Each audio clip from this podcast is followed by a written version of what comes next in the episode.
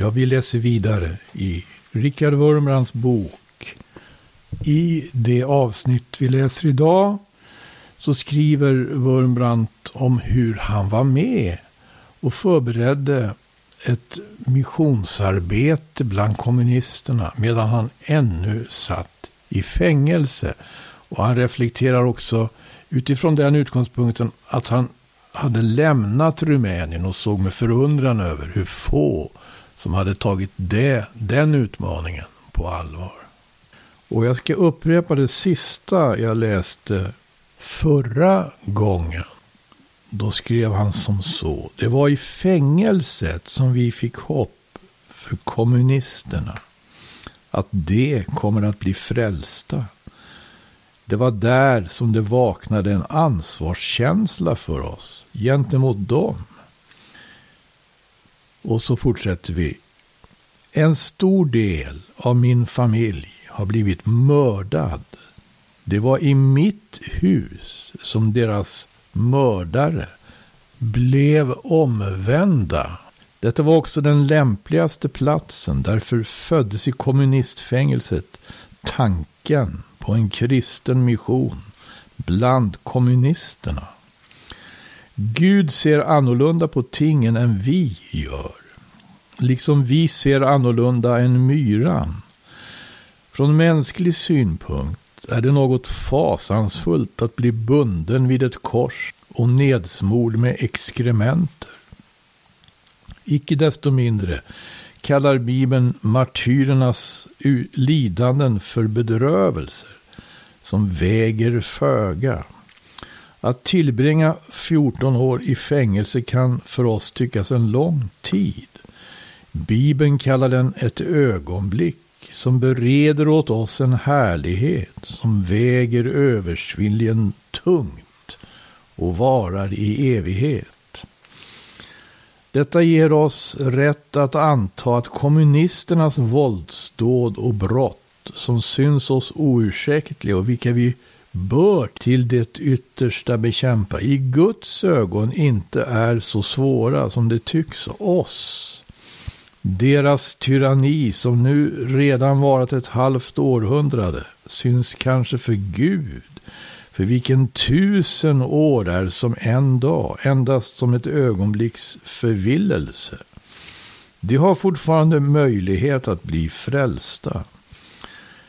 Det himmelska Jerusalem är en moder och älskar som en moder. Himlens portar är inte stängda för kommunisterna. Inte heller är ljuset utsläckt för dem. Det kan göra sinnesändring, liksom vem som helst annan. Och det är vår plikt att kalla dem till sinnesändring. Endast kärleken kan förändra kommunisterna. En kärlek som måste klart särskiljas från den underkastelse under kommunismen som många kyrkoledare praktiserar.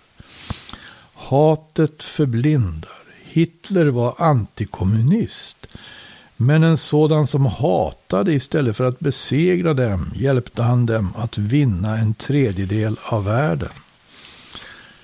Med kärlek planerade vi i fängelset ett missionsarbete bland kommunisterna och därvid tänkte vi först av allt på de kommunistiska ledarna.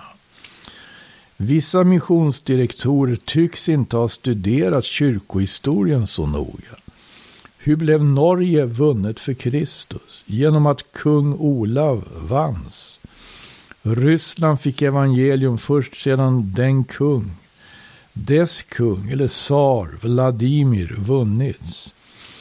Ungern vanns genom att dess konung Stefanos blev vunnen. Detsamma var förhållandet i Polen. I Afrika följde stammen efter när hövdingen hade blivit vunnen. Vi missionerar bland enkla människor av folket som säkert kan bli goda kristna, men som har föga inflytande och därför inte kan förändra sakernas tillstånd. Vi måste vinna ledarna, politikens, finansvärldens, vetenskapens och konstens. Det är dessa som är själarnas ingenjörer. Det formar människornas själar. Och om vi vinner dem, vinner vi de människor som de leder och influerar. Ur missionssynpunkt har kommunismen en fördel som andra sociala system saknar. Den är mer centraliserad. Om Amerikas president blev omvänd till mormonismen skulle inte amerikanerna på grund därav bli mormoner.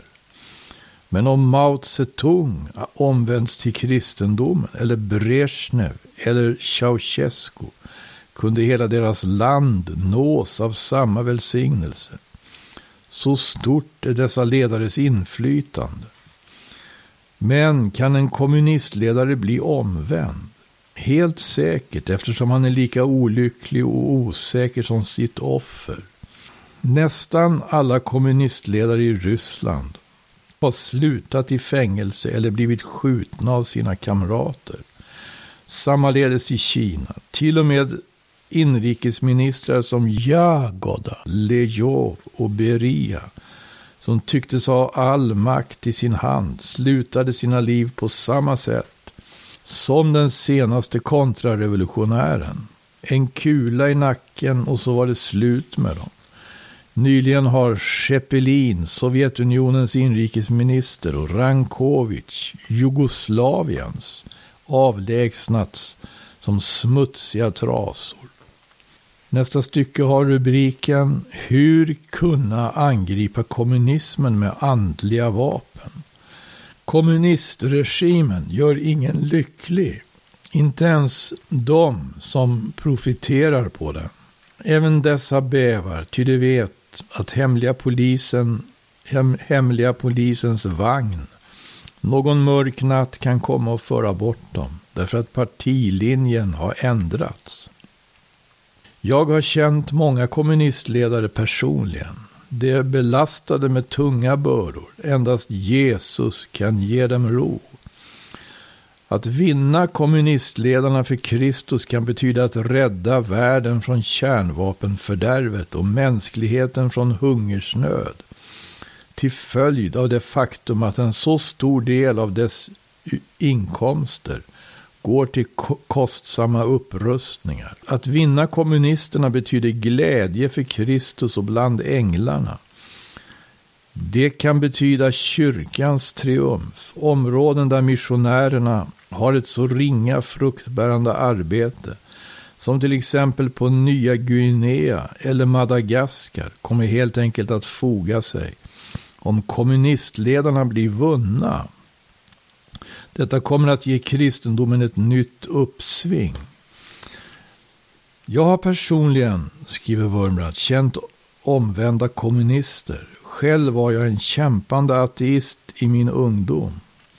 Omvända ateister och kommunister älskar Kristus mycket högt eftersom de fått förlåtelse för så mycket. Vad som behövs i missionsarbetet är strategisk planering. Alla själar är ur frälsningens synpunkt lika dyrbara.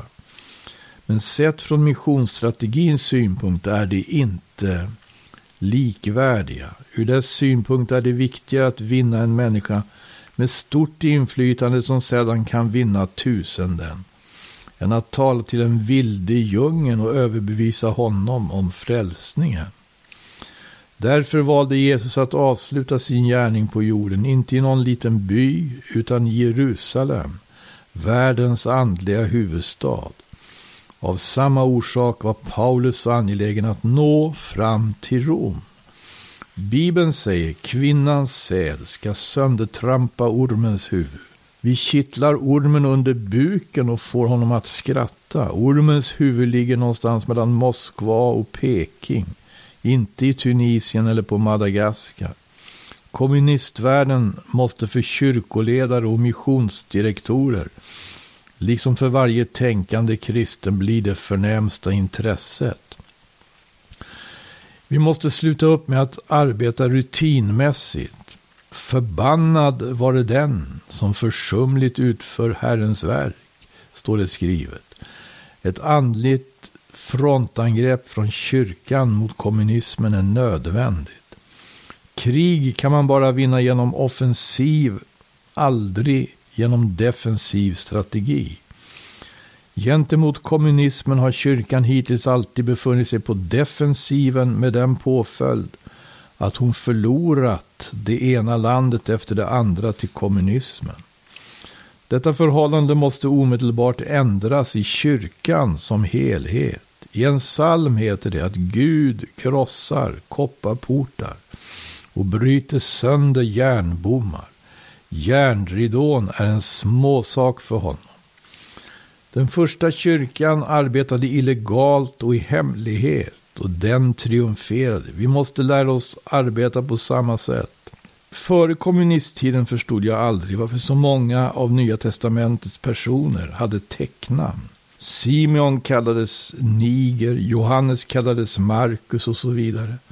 Nu använder även vi i kommunistländerna hemliga namn i vårt arbete. Förr förstod jag inte varför Jesus, när han önskade hålla nattvardsmåltiden med lärjungarna, inte gav dem en adress utan sa Gå in i staden och där ska ni få se en man som bär en kruka. Nu förstår jag detta. Vi i den underjordiska kyrkan arbetar också med dylika hemliga igenkänningstecken. Om vi kommer överens om att arbeta så, att återgå till den första kristenhetens metoder, ska vi kunna arbeta effektivt för Kristus i kommunistländerna. Men i väst har jag träffat kyrkoledare som, istället för att älska kommunisterna, vilket för länge sedan skulle ha lett fram till ett organiserat missionsarbete, ibland kommunisterna ställt sig på kommunismens sida. Jag har inte funnit den barmhärtige samaritens medkänsla för de förlorade själarna av Karl Marx hus. En människa tror i verkligheten inte på sin trosbekännelse endast genom att läsa den. Hon tror på den som hon är beredd att dö för. De kristna i den underjordiska kyrkan har visat att de är redo att dö för sin tro. Det arbete jag nu fortsätter kan för mig betyda att jag åter fängslas i ett kommunistland. Det kan betyda ny tortyr och döden eftersom jag har lett hemlig missionsverksamhet bakom järnridån och tagit på mig alla dessa risker. Jag tror på vad jag skriver. Jag har rätt att fråga, skulle Amerikas kyrkoledare som nu lever i vänskap med kommunisterna vara redo att dö för sin tro? Vad är det som hindrar dem från att uppge sina höga befattningar i väst och bli officiella pastorer i öster? I samarbete på platser med kommunisterna? Ingen västerländsk kyrkoledare har ännu lämnat beviset för en sådan tro. Mänskligt tal har uppkommit ur behovet att förstå varandra i sådant som rör jakt och fiske och sedermera beträffande produktionen av våra livsförnödenheter. Liksom även för att uttrycka våra känslor gentemot varandra. Men det finns inga mänskliga ord som på ett adekvat sätt kan uttrycka Guds hem hemligheter och det andliga livets höjder. Likaså finns det inga människor som kan beskriva den djävulska grymhetens djup. Kan man i ord uttrycka vad den människa kände som just skulle kastas in i en av nazisternas brännugnar? Eller som såg sitt barn kastas in i en sådan ugn? Likaledes är det fåfängt att beskriva vad kristna har lidit och alltjämt lider under kommunisterna. Jag har varit i fängelse med Lucretio Petrasciano, den man som förde kommunismen till makten i Rumänien. Hans kamrater belönade honom genom att sätta honom i fängelse. Fast han var frisk satte man in honom på sinnessjukhus tillsammans med sinnessjuka till dess att han själv blev vansinnig. Sammaledes gjorde man med Anna Pauker, deras före detta departementschef. Kristna har också fått utstå denna behandling. De får elektriska chocker. De sätts i tvångströjor. Världen står skräckslagen inför vad som tilldrar sig på Kinas gator. I allas åsyn utövar det röda gardet sin terror. Försök då föreställa er vad som händer med vissa kristna i de kinesiska fängelserna, där ingen får någon inblick. De senaste nyheterna berättar om att Watchman Nee, den berömde evangeliske författaren och andra kristna som vägrade att avsvärja sig sin tro, fått både ögonen, tungan och benen avskurna. Men det värsta som kommunisterna gör är det inte att det torterar och dödar människors kroppar. Det förvänder och förstör människors tankeförmåga samt förgiftar barnen och ungdomen. De har insatt sina män på ledande poster i kyrkorna för att dominera de kristna och förstöra kyrkan. Det inte bara lär ungdomen att inte tro på Gud och Kristus, utan att hata dess, deras namn med vilka ord skulle vi kunna teckna de kristna martyrers tragedi, vilka vid sin hemkomst och efter åratals fängelsevistelse mottas med förakt av sina egna barn, som under tiden blivit aktiva och kämpande ateister. Denna bok är inte så mycket skriven med bläck som med blodet av människohjärtan. Men liksom på Daniels tid, de tre männen som blev nedkastade i den brinnande ugnen, efteråt inte ens luktade svedda, så hyser kristna som varit i kommunistiskt fängelse varken hat eller bitterhet mot kommunisterna. När du trampar sönder en blomma under dina fötter lönar hon dig genom att avge sin vällukt. Så lönar kristna som torteras av kommunisterna sina plågare med kärlek. Vi förde många av våra fångvaktare till Kristus och vi behärskas av en enda önskan. Att åt kommunisterna som låtit oss lida ge det bästa vi har att ge, nämligen vår Herres Jesu Kristi frälsning.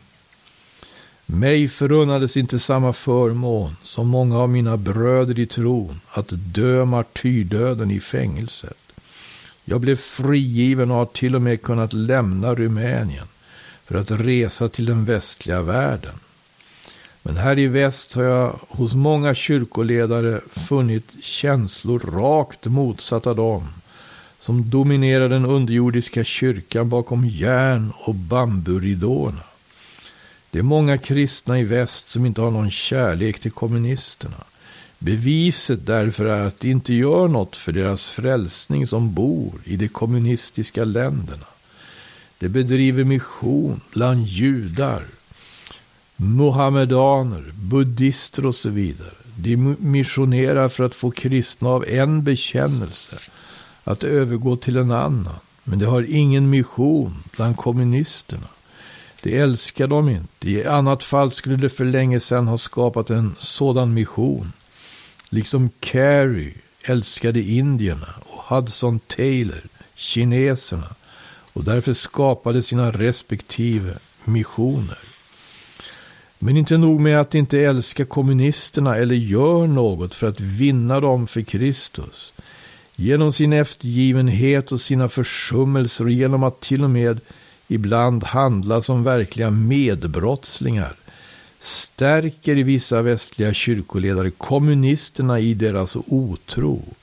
Det hjälper kommunisterna att dominera västerländska kyrkor och hela världen. Det håller kristna det håller de kristna i okunnighet om kommunismens faror. Genom att inte älska kommunisterna och genom att inte göra något för att vinna dem för Kristus under förevändning att inte ha lov att göra detta, liksom om det, först, liksom om det första kristna begärde tillåtelse av Nero att få sprida evangelium. Därigenom sviker det sin egen jord. Ty om vi inte vinner kommunisterna för Kristus kommer det att besegra väst, västerlandet och utrota kristendomen också här. Nästa stycke har rubriken Historiens lärdomar ignoreras. Under de första århundradena blomstrade kristendomen i Nordafrika. Därifrån kom Augustinus, Cyprianus, Athanasius och Tertullianus. Det var dock en plikt som de kristna i Nordafrika försummade, nämligen att vinna mohammedanerna för Kristus. Resultatet blev att mohammedanerna invaderade hela Nordafrika och utrotade kristendomen för århundraden. Nordafrika tillhör ännu idag mohammedanerna och dessa kallas till och med av den kristna missionen för de oomvändbara massorna. Låt oss lära något av historien. Under reformationstiden sammanföll Hus, Luthers och Calvins intressen med de europeiska folkens intresse att bli kvitt påvedömets ok. Idag sammanfaller den underjordiska kyrkans intresse att sprida evangelium både till kommunisterna och deras offer med det fria folkens vitala intresse att få leva i frihet. Det finns ingen politisk makt som kan störta kommunismen. Kommunisterna har kärnvapen och att angripa dem med militärmakt skulle betyda ett nytt världskrig med hundratals miljoner offer.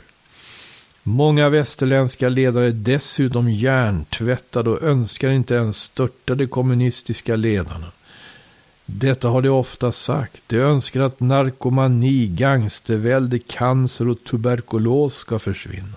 Men inte kommunismen som dock har krävt långt fler offer än alla dessa tillsammans. Den sovjetiske författaren Ilja Ehrenburg sa att om Stalin inte gjorde något annat under ett helt liv än att skriva upp namnen på sina oskyldiga offer skulle tiden inte ha räckt till för att avsluta detta arbete. Khrushchev sa på kommunistpartiets 20 kongress Stalin likviderade tusentals ärliga och oskyldiga kommunister. Han sa att av 139 medlemmar och kandidater i den centralkommitté som valdes vid den 17 kongressen blev 98, det vill säga 70 procent, senare arresterade och skjutna. Då kan ni föreställa er vad han gjorde med de kristna. Khrushchev degraderade Stalin offentligt, men fortsatte att handla på samma sätt som denne. Sedan 1959 har hälften av de kyrkor som då ännu var öppna i Sovjetryssland stängts. I Kina, där en ny våg av barbari brutit fram, värre än den som rådde under Stalinepoken i Ryssland, har det öppna kyrkolivet fullständigt upphört. I Ryssland och Rumänien förekommer nya arresteringar vi har helt nyligen mottagit underrättelser om massarresteringar av kristna i Ryssland. Genom terror och bedrägeri i länder med tillsammans en miljard invånare har hela den yngre generationen tvingats växa upp i hat mot allt västerländskt och framför allt mot kristendomen. I Ryssland är det inte ovanligt att få se lokala ämbetsmän stå framför kyrkorna för att övervaka barnen. De som går till kyrkan blir slagna och utkastade. Den västerländska kristenhetens blivande ödeläggare uppfostras noggrant och systematiskt. Det finns bara en makt som kan störta kommunismen. Det är samma kraft som lät kristna stater inta det hedniska romerska imperiets plats. Den kraft som av teutoner och vikingar kunde göra kristna. Den makt som störtade den blodiga inkvisitionen.